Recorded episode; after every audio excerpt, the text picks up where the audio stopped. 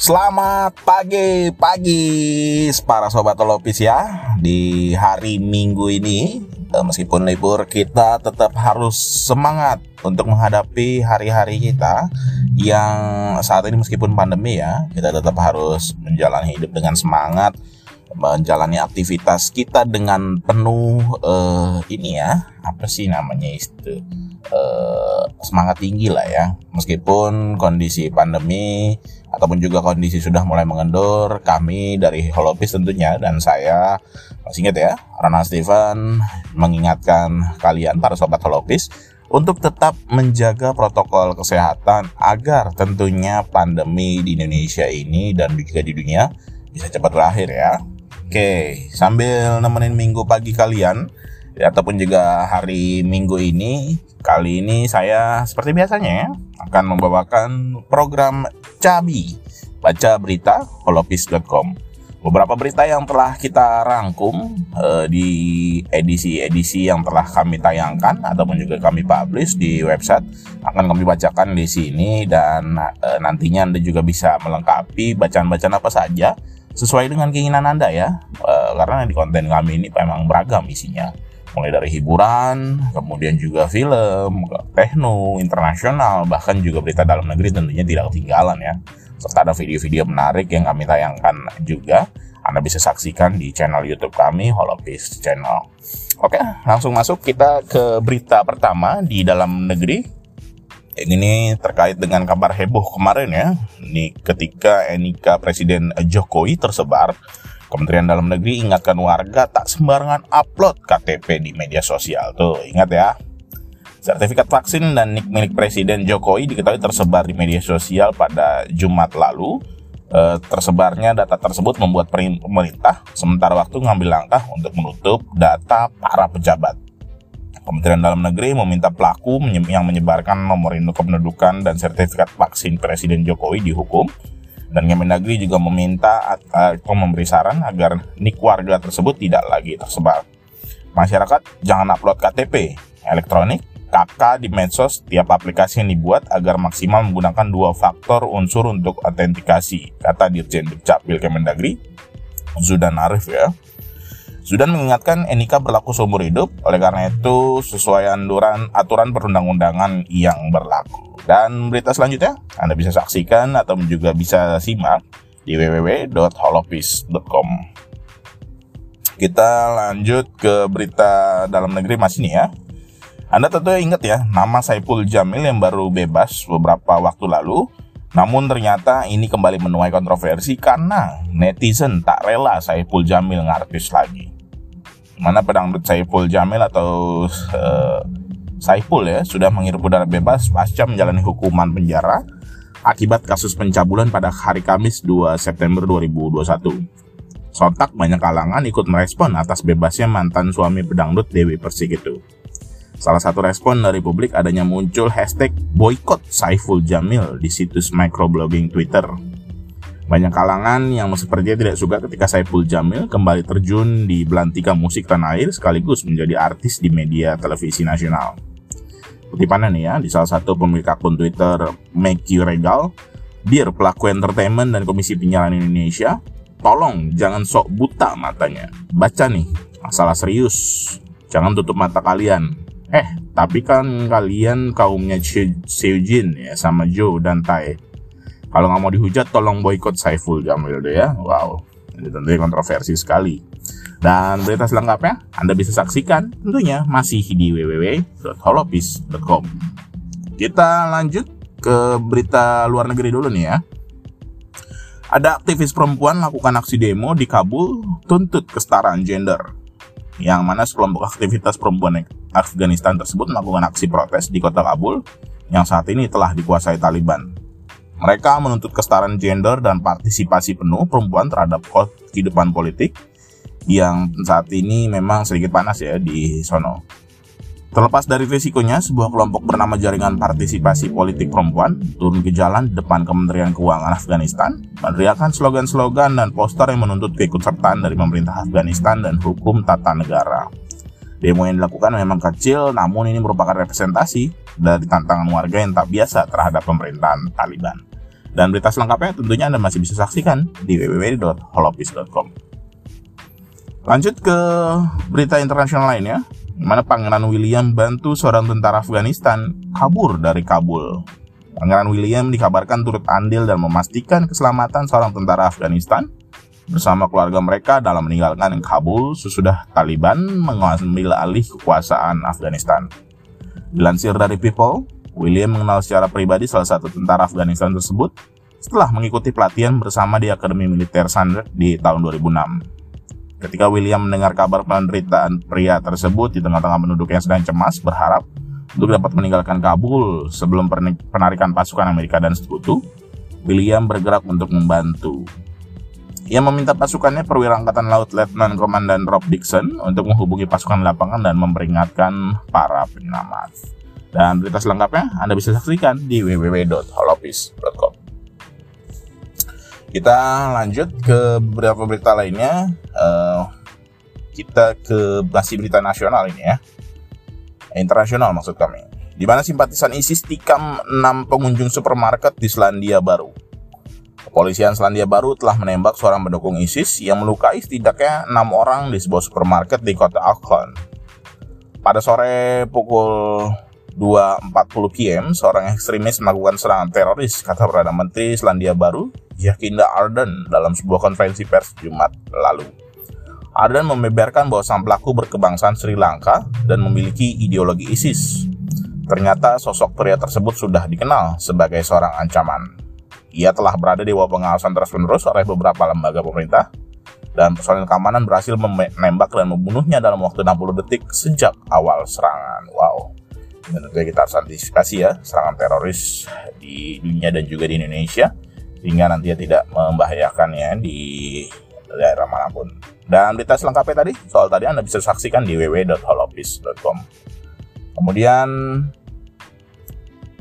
kita lanjut ke berita lainnya, ya ini berita dalam negeri ya. Di mana Mahfud MD meminta semua pihak menahan diri terkait penyerangan jamaah Ahmadiyah di Kalimantan Barat ya, di mana pemerintah berharap agar seluruh pihak bisa menahan diri terkait peristiwa penyerangan dan pengerusakan rumah ibadah milik Ahmadiyah di Kabupaten Sintang, Kalimantan Barat. Menteri Politik, Hukum dan Keamanan Menko Polhukam Mahfud MD mengatakan bahwa persoalan itu sangat sensitif. Dia menjanjikan bahwa kasus tersebut sudah masuk ke jalur hukum. Di dalam kutipannya, ini masalah sensitif, semuanya harus menahan diri kita hidup di NKRI di mana hak-hak asasi manusia dilindungi oleh negara. Mantan Ketua Mahkamah Konstitusi tersebut mengungkapkan bahwa dirinya sudah berusaha mengkonfirmasi langsung ke pimpinan daerah setempat untuk mengetahui persoalan secara detail. Saya sudah berkomunikasi dengan Gubernur dan Kapolda Kalimantan Barat agar segera ditangani kasus ini dengan baik. Dalam memperhatikan hukum, memperhatikan kedamaian dan kerukunan, juga memperhatikan perlindungan terhadap hak asasi manusia, semuanya harus ikut aturan hukum, kata Mahfud MD ya. Dan berita selengkapnya Anda bisa saksikan di www.holoffice.com. Masih dari Menko Polhukam, Mahfud MD, yang kali ini eh, datang dari persoalan PON Papua ya, di mana Kemenko Polhukam pastikan PON ke-20 di Papua aman digelar. Menko Polhukam Mahfud MD melakukan rapat koordinasi dengan Menteri Pemuda dan Olahraga Zainuddin Amali serta Ketua Umum Komite Olahraga Nasional Indonesia Letjen Purnawirawan Marsiano Norman. Rapat koordinasi ini dilakukan untuk membahas persiapan jelang pelaksanaan PON ke-20 dan Pekan Paralimpiade Nasional Papua pada bulan Oktober 2021 nanti. Dalam rapat tersebut, Menko Polhukam menegaskan bahwa secara umum, Kondisi politik dan keamanan di bumi cenderawasih dalam kondisi baik sehingga pelaksanaan PON di Papua bisa diselenggarakan. Kita pastikan bahwa itu akan berjalan dengan baik ya, kata Mahfud di kantornya. Ia juga menyampaikan bahwa dirinya selalu menjalin koordinasi dengan semua pihak yang berkaitan dengan sektor keamanan untuk memastikan kegiatan olahraga di Indonesia Timur itu bisa berjalan dengan baik dan lancar. Saya selaku penanggung jawab di bidang keamanan sudah melakukan koordinasi secara rutin Tadi baru mengundang Menpora, Ketua KONI, Mabes TNI, Polri, BIN, BSSN, termasuk IO-nya. Mereka presentasi bahwa semuanya siap, kata Mahfud. Dan berita selengkapnya Anda masih bisa saksikan di www.holopis.com. Kemudian juga masih di dalam negeri nih ya, Dua warga Kabupaten Ngada meninggal dunia tersapu banjir bandang. Dua warga desa Ineri, Kecamatan Ineri, Kabupaten Ngada, NTT meninggal dunia pasca tersapu banjir bandang. Bencana terjadi pada Sabtu dini hari sekitar 4 September sekira pukul 12 malam waktu setempat. Dipicu oleh tingginya intensitas hujan yang mengguyur kawasan tersebut. Kejadian tersebut mengakibatkan dua orang meninggal, satu orang hilang, dan satu warga ngada mengalami luka berat, serta 26 orang mengungsi, kata PLT Kepala Pusat Data Informasi dan Komunikasi Kebencanaan BNPB, Abdul Muhari. Abdul juga menjelaskan bahwa sampai saat ini, tim gabungan dari BPBD, TNI, dan Polri, serta dibantu warga masyarakat masih melakukan pencarian warga yang hilang tersebut. Dan berita selanjutnya Anda bisa, ataupun juga selengkapnya bisa Anda saksikan di www.holopis.com. Kemudian juga e, mengenai teknologi vaksin AstraZeneca ya ada di dalam pemberitaan kita. Ini dipertanyakan apa benar vaksin AstraZeneca bisa sembuhkan kanker. Teknologi yang dipakai untuk membuat vaksin COVID-19 AstraZeneca telah digunakan untuk membuat vaksin yang dapat menyembuhkan kanker. Demikian dikatakan para ilmuwan dilansir dari Sky News. Menggunakan teknologi vektor virus yang sama, para peneliti telah membuat dua dosis vaksin yang diharapkan dapat menyerang tumor pada manusia. Ketika dilakukan uji coba terhadap tikus, vaksin tersebut meningkatkan sel yang dapat menyerang sel kanker dan meningkatkan kemungkinan sembuh. Untuk benar-benar membuat pengobatan ini berhasil, para ilmuwan melancang vaksin mereka untuk menargetkan dua protein tipe MAGE yang ada di permukaan banyak jenis sel kanker. Vaksin ini diharapkan dapat digunakan untuk manusia bersamaan dengan imunoterapi kanker di mana sel T pasien dapat diperintahkan untuk melawan tumor. Dan kita doakan ya, semoga tentunya ini benar-benar menjadi solusi yang uh, baik. Ketika vaksin bisa digunakan untuk COVID juga bisa AstraZeneca itu mudah-mudahan untuk terapi kanker ya mudah-mudahan. Dan berita selengkapnya soal tadi Anda bisa saksikan di www.holopis.com kita masuk ke berita olahraga nih ya. Tadi setelah berita-berita agak serius nih. Uh, di mana Indonesia mendapatkan kebanggaan ketika Leani Ratri dan Sadiah berhasil raih medali emas pertama untuk Air Indonesia di Paralimpiade Tokyo 2020. Ganda putri tersebut berhasil meraih medali emas ketika mereka mengalahkan wakil Cina Cheng Hefang dan Man Hui Hui di laga final dengan skor 21-18 dan 21-12. Mana ini merupakan medali emas pertama bagi Indonesia di Paralimpiade 20 yang mana ini menjadi kebanggaan ya setelah uh, Indonesia akhirnya bisa meraih emas untuk uh, gelaran olahraga Paralimpiade di Tokyo yang setelah sebelumnya tadinya sudah ada Olimpiade uh, yang juga sudah berlangsung ya. Dan semoga ini masih bisa menambah-nambah lagi raihan-raihan medali bagi para atlet-atlet kita yang masih berjuang. Semangat ya. Selengkapnya Anda bisa saksikan di www.holopis.com. Tadi udah berita olahraga, kita masuk nih ke berita hiburan seperti janji saya tadi ya. Billboard Jungkook BTS di Pakistan diturunkan karena dianggap promosikan homoseksualitas. Sebuah papan iklan untuk merayakan ulang tahun Jungkook BTS di Pakistan diturunkan akibat dianggap mempromosikan homoseksualitas. Dilansir dari Korea Bu, papan iklan tersebut dipasang di daerah sibuk kota Gujranwala, Pakistan. Seorang army BTS mendapatkan izin dari kamar dagang untuk memasang papan iklan Jungkook yang merayakan ulang tahunnya yang ke-24 tahun pada tanggal 11 September. Papan iklan tersebut menunjukkan foto Jungkook menggunakan jas dan bertuliskan Happy 24 Birthday di bawahnya. Para penggemar K-pop memang sering kali merayakan ulang tahun di dalam mereka dengan membayar iklan di mana pun mereka tinggal. Namun pemilik dari papan iklan tersebut harus menurunkan papan uh, tersebut padahal ia mengatakan papan iklan harusnya dipasang selama dua hari. Dan berita selengkapnya tentunya Anda bisa saksikan di www.holopis.com. Oke, para sobat Holopis, demikian tadi ya beberapa rangkuman berita yang kita sudah hadirkan di dalam edisi kali ini. Anda bisa saksikan berita-berita lainnya yang Anda inginkan dan Anda uh, butuhkan ya tentunya dengan kebutuhan kebutuhan-kebutuhan yang kami usahakan untuk terus kami sajikan kepada Anda para pendengar. Dan mungkin sampai saat uh, sementara uh, sampai sini dulu ya perjumpaan kita. Nantinya kita akan berjumpa kembali di edisi-edisi berikutnya. Cabi baca berita di www.holopis.com. Saya Ronald Steven, pamit undur diri dulu. Uh, sampai jumpa di kesempatan berikutnya ya. Holopis Channel bersama untuk Indonesia.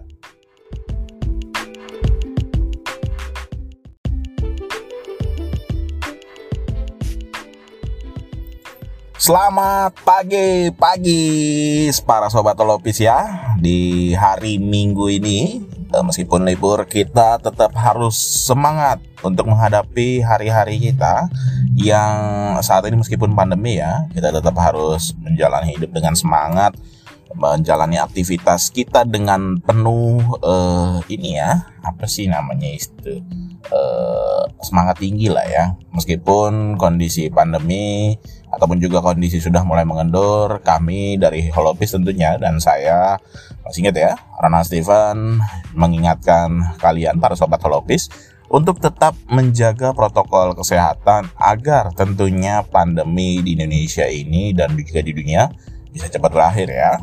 Oke, sambil nemenin minggu pagi kalian ya, ataupun juga hari minggu ini, kali ini saya seperti biasanya ya, akan membawakan program Cabi, baca berita holopis.com. Beberapa berita yang telah kita rangkum uh, di edisi-edisi yang telah kami tayangkan ataupun juga kami publish di website akan kami bacakan di sini dan uh, nantinya Anda juga bisa melengkapi bacaan-bacaan apa saja sesuai dengan keinginan Anda ya. Uh, karena di konten kami ini memang beragam isinya mulai dari hiburan, kemudian juga film, tekno, internasional, bahkan juga berita dalam negeri tentunya tidak ketinggalan ya.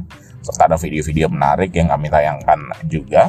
Anda bisa saksikan di channel YouTube kami, Holopis Channel. Oke, langsung masuk kita ke berita pertama di dalam negeri. Ini terkait dengan kabar heboh kemarin ya. Ini ketika NIK Presiden Jokowi tersebar Kementerian Dalam Negeri ingatkan warga tak sembarangan upload KTP di media sosial. Tuh, ingat ya. Sertifikat vaksin dan nik milik Presiden Jokowi diketahui tersebar di media sosial pada Jumat lalu. E, tersebarnya data tersebut membuat pemerintah sementara waktu mengambil langkah untuk menutup data para pejabat.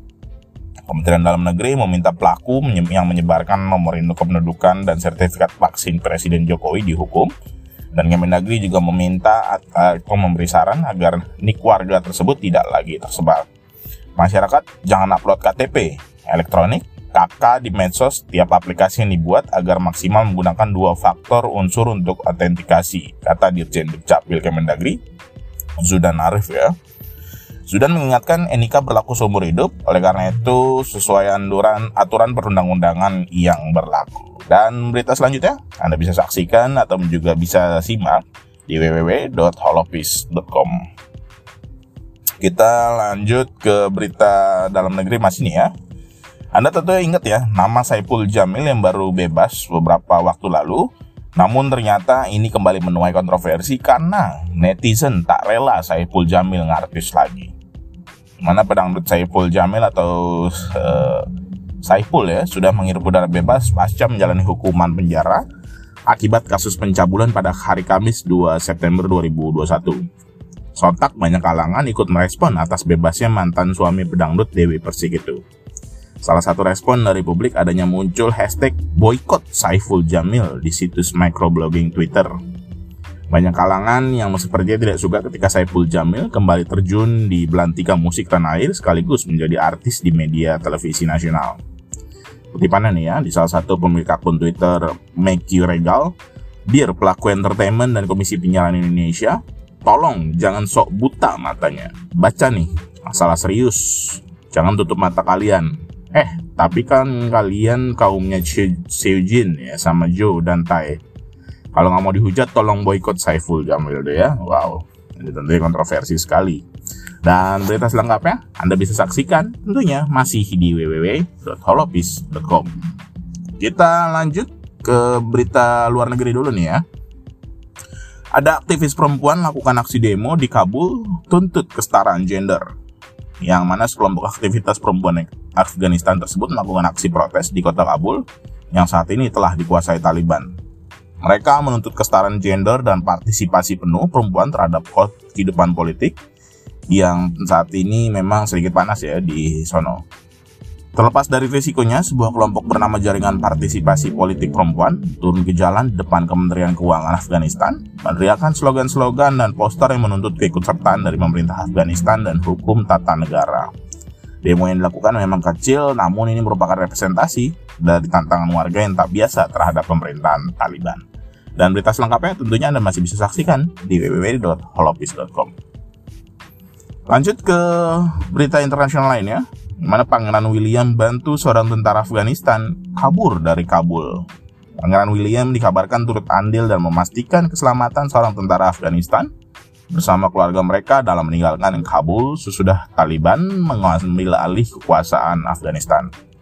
Dilansir dari People, William mengenal secara pribadi salah satu tentara Afghanistan tersebut setelah mengikuti pelatihan bersama di Akademi Militer Sandra di tahun 2006. Ketika William mendengar kabar penderitaan pria tersebut di tengah-tengah penduduk yang sedang cemas berharap untuk dapat meninggalkan Kabul sebelum penarikan pasukan Amerika dan sekutu, William bergerak untuk membantu. Ia meminta pasukannya perwira angkatan laut Letnan Komandan Rob Dixon untuk menghubungi pasukan lapangan dan memperingatkan para penyelamat. Dan berita selengkapnya Anda bisa saksikan di www.holopis.com. Kita lanjut ke beberapa berita lainnya. Uh, kita ke masih berita nasional ini ya. Internasional maksud kami. Di mana simpatisan ISIS tikam 6 pengunjung supermarket di Selandia Baru. Kepolisian Selandia Baru telah menembak seorang pendukung ISIS yang melukai setidaknya 6 orang di sebuah supermarket di kota Auckland. Pada sore pukul 2.40 PM, seorang ekstremis melakukan serangan teroris, kata Perdana Menteri Selandia Baru, Jacinda Ardern dalam sebuah konferensi pers Jumat lalu. Ardern membeberkan bahwa sang pelaku berkebangsaan Sri Lanka dan memiliki ideologi ISIS. Ternyata sosok pria tersebut sudah dikenal sebagai seorang ancaman. Ia telah berada di bawah pengawasan terus-menerus oleh beberapa lembaga pemerintah, dan personil keamanan berhasil menembak dan membunuhnya dalam waktu 60 detik sejak awal serangan. Wow tentunya kita harus antisipasi ya serangan teroris di dunia dan juga di Indonesia sehingga nantinya tidak membahayakan ya di daerah mana pun. Dan berita selengkapnya tadi soal tadi Anda bisa saksikan di www.holopis.com. Kemudian kita lanjut ke berita lainnya, ini berita dalam negeri ya. Di mana Mahfud MD meminta semua pihak menahan diri terkait penyerangan jamaah Ahmadiyah di Kalimantan Barat ya, di mana pemerintah berharap agar seluruh pihak bisa menahan diri terkait peristiwa penyerangan dan pengerusakan rumah ibadah milik Ahmadiyah di Kabupaten Sintang, Kalimantan Barat. Menteri Politik, Hukum dan Keamanan Menko Polhukam Mahfud MD mengatakan bahwa persoalan itu sangat sensitif. Dia menjanjikan bahwa kasus tersebut sudah masuk ke jalur hukum. Di dalam kutipannya, ini masalah sensitif, semuanya harus menahan diri kita hidup di NKRI di mana hak-hak asasi manusia dilindungi oleh negara. Mantan Ketua Mahkamah Konstitusi tersebut mengungkapkan bahwa dirinya sudah berusaha mengkonfirmasi langsung ke pimpinan daerah setempat untuk mengetahui persoalan secara detail. Saya sudah berkomunikasi dengan Gubernur dan Kapolda Kalimantan Barat agar segera ditangani kasus ini dengan baik. Dengan memperhatikan hukum, memperhatikan kedamaian dan kerukunan, juga memperhatikan perlindungan terhadap hak asasi manusia, Semuanya harus ikut aturan hukum, kata Mahfud MD ya. Dan berita selengkapnya Anda bisa saksikan di www.holofis.com. Masih dari Menko Polhukam, Mahfud MD, yang kali ini eh, datang dari persoalan PON Papua ya, di mana Kemenko Polhukam pastikan PON ke-20 di Papua aman digelar. Menko Polhukam Mahfud MD melakukan rapat koordinasi dengan Menteri Pemuda dan Olahraga Zainuddin Amali serta Ketua Umum Komite Olahraga Nasional Indonesia Letjen Purnawirawan Marsiano Norman. Rapat koordinasi ini dilakukan untuk membahas persiapan jelang pelaksanaan PON ke-20 dan Pekan Paralimpiade Nasional Papua pada bulan Oktober 2021 nanti. Dalam rapat tersebut, Menko Polhukam menegaskan bahwa secara umum Kondisi politik dan keamanan di bumi cenderawasih dalam kondisi baik sehingga pelaksanaan PON di Papua bisa diselenggarakan. Kita pastikan bahwa itu akan berjalan dengan baik ya, kata Mahfud di kantornya. Ia juga menyampaikan bahwa dirinya selalu menjalin koordinasi dengan semua pihak yang berkaitan dengan sektor keamanan untuk memastikan kegiatan olahraga di Indonesia Timur itu bisa berjalan dengan baik dan lancar. Saya selaku penanggung jawab di bidang keamanan sudah melakukan koordinasi secara rutin Tadi baru mengundang Menpora, Ketua KONI, Mabes TNI, Polri, BIN, BSSN, termasuk IGO-nya. Mereka presentasi bahwa semuanya siap, kata Mahfud. Dan berita selengkapnya Anda masih bisa saksikan di www.holopis.com. Kemudian juga masih di dalam negeri nih ya. Dua warga Kabupaten Ngada meninggal dunia tersapu banjir bandang. Dua warga Desa Ineri, Kecamatan Ineri, Kabupaten Ngada, NTT meninggal dunia pasca tersapu banjir bandang. Bencana terjadi pada Sabtu dini hari sekitar 4 September sekira pukul 12 malam waktu setempat. Dipicu oleh tingginya intensitas hujan yang mengguyur kawasan tersebut. Kejadian tersebut mengakibatkan dua orang meninggal, satu orang hilang, dan satu warga ngada mengalami luka berat, serta 26 orang mengungsi, kata PLT Kepala Pusat Data Informasi dan Komunikasi Kebencanaan BNPB, Abdul Muhari. Abdul juga menjelaskan bahwa sampai saat ini, tim gabungan dari BPBD, TNI, dan Polri, serta dibantu warga masyarakat masih melakukan pencarian warga yang hilang tersebut. Dan berita selanjutnya Anda bisa ataupun juga selengkapnya bisa Anda saksikan di www.holopis.com. Kemudian juga e, mengenai teknologi vaksin AstraZeneca ya ada di dalam pemberitaan kita. Ini dipertanyakan apa benar vaksin AstraZeneca bisa sembuhkan kanker. Teknologi yang dipakai untuk membuat vaksin COVID-19 AstraZeneca telah digunakan untuk membuat vaksin yang dapat menyembuhkan kanker. Demikian dikatakan para ilmuwan dilansir dari Sky News.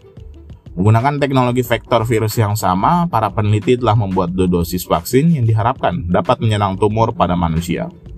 Ketika dilakukan uji coba terhadap tikus, vaksin tersebut meningkatkan sel yang dapat menyerang sel kanker dan meningkatkan kemungkinan sembuh. Untuk benar-benar membuat pengobatan ini berhasil, para ilmuwan melancang vaksin mereka untuk menargetkan dua protein tipe MAGE yang ada di permukaan banyak jenis sel kanker. Vaksin ini diharapkan dapat digunakan untuk manusia bersamaan dengan imunoterapi kanker, di mana sel T pasien dapat diperintahkan untuk melawan tumor. Dan kita doakan ya, semoga tentunya ini benar-benar menjadi solusi yang uh, baik ketika vaksin bisa digunakan untuk COVID juga bisa AstraZeneca itu mudah-mudahan untuk terapi kanker ya mudah-mudahan dan kita selengkapnya soal tadi Anda bisa saksikan di www.holopis.com kita masuk ke berita olahraga nih ya. Tadi setelah berita-berita agak serius nih. Uh, di mana Indonesia mendapatkan kebanggaan ketika Leani Ratri dan Sadiah berhasil raih medali emas pertama untuk Air Indonesia di Paralimpiade Tokyo 2020. Ganda putri tersebut berhasil meraih medali emas ketika mereka mengalahkan wakil Cina Cheng Hefang dan Man Hui Hui di laga final dengan skor 21-18 dan 2112. Mana ini merupakan medali emas pertama bagi Indonesia di Paralimpiade 20. Yang mana ini menjadi kebanggaan ya setelah uh, Indonesia akhirnya bisa meraih emas untuk uh, gelaran olahraga Paralimpiade di Tokyo yang setelah sebelumnya tadinya sudah ada Olimpiade uh, yang juga sudah berlangsung ya. Dan semoga ini masih bisa menambah-nambah lagi raihan-raihan medali bagi para atlet-atlet kita yang masih berjuang. Semangat ya! Selengkapnya Anda bisa saksikan di www.holopis.com. Tadi udah berita olahraga, kita masuk nih ke berita hiburan seperti janji saya tadi ya. Billboard Jungkook BTS di Pakistan diturunkan karena dianggap promosikan homoseksualitas. Sebuah papan iklan untuk merayakan ulang tahun Jungkook BTS di Pakistan diturunkan akibat dianggap mempromosikan homoseksualitas. Dilansir dari Korea Bu, papan iklan tersebut dipasang di daerah sibuk kota Gujranwala, Pakistan. Seorang army BTS mendapatkan izin dari kamar dagang untuk memasang papan iklan Jungkook yang merayakan ulang tahunnya yang ke-24 tahun pada tanggal 11 September. Papan iklan tersebut menunjukkan foto Jungkook menggunakan jas dan bertuliskan Happy 24 Birthday di bawahnya. Para penggemar K-pop memang sering kali merayakan ulang tahun di dalam mereka dengan membayar iklan di mana pun mereka tinggal. Namun pemilik dari papan iklan tersebut harus menurunkan papan uh, tersebut padahal ia mengatakan papan iklan harusnya dipasang selama dua hari. Dan berita selengkapnya tentunya Anda bisa saksikan di www.holopis.com. Oke, para sobat Holopis, demikian tadi ya beberapa rangkuman berita yang kita sudah hadirkan di dalam edisi kali ini. Anda bisa saksikan berita-berita lainnya yang Anda inginkan dan Anda uh, butuhkan ya tentunya dengan kebutuhan kebutuhan-kebutuhan yang kami usahakan untuk terus kami sajikan kepada Anda para pendengar. Dan mungkin sampai saat uh, sementara uh, sampai sini dulu ya perjumpaan kita. Nantinya kita akan berjumpa kembali di edisi-edisi berikutnya. Cabi, baca berita di www.holopis.com. Saya Ronald Steven, pamit undur diri dulu. Uh, sampai jumpa di kesempatan berikutnya ya. Holopis Channel bersama untuk Indonesia.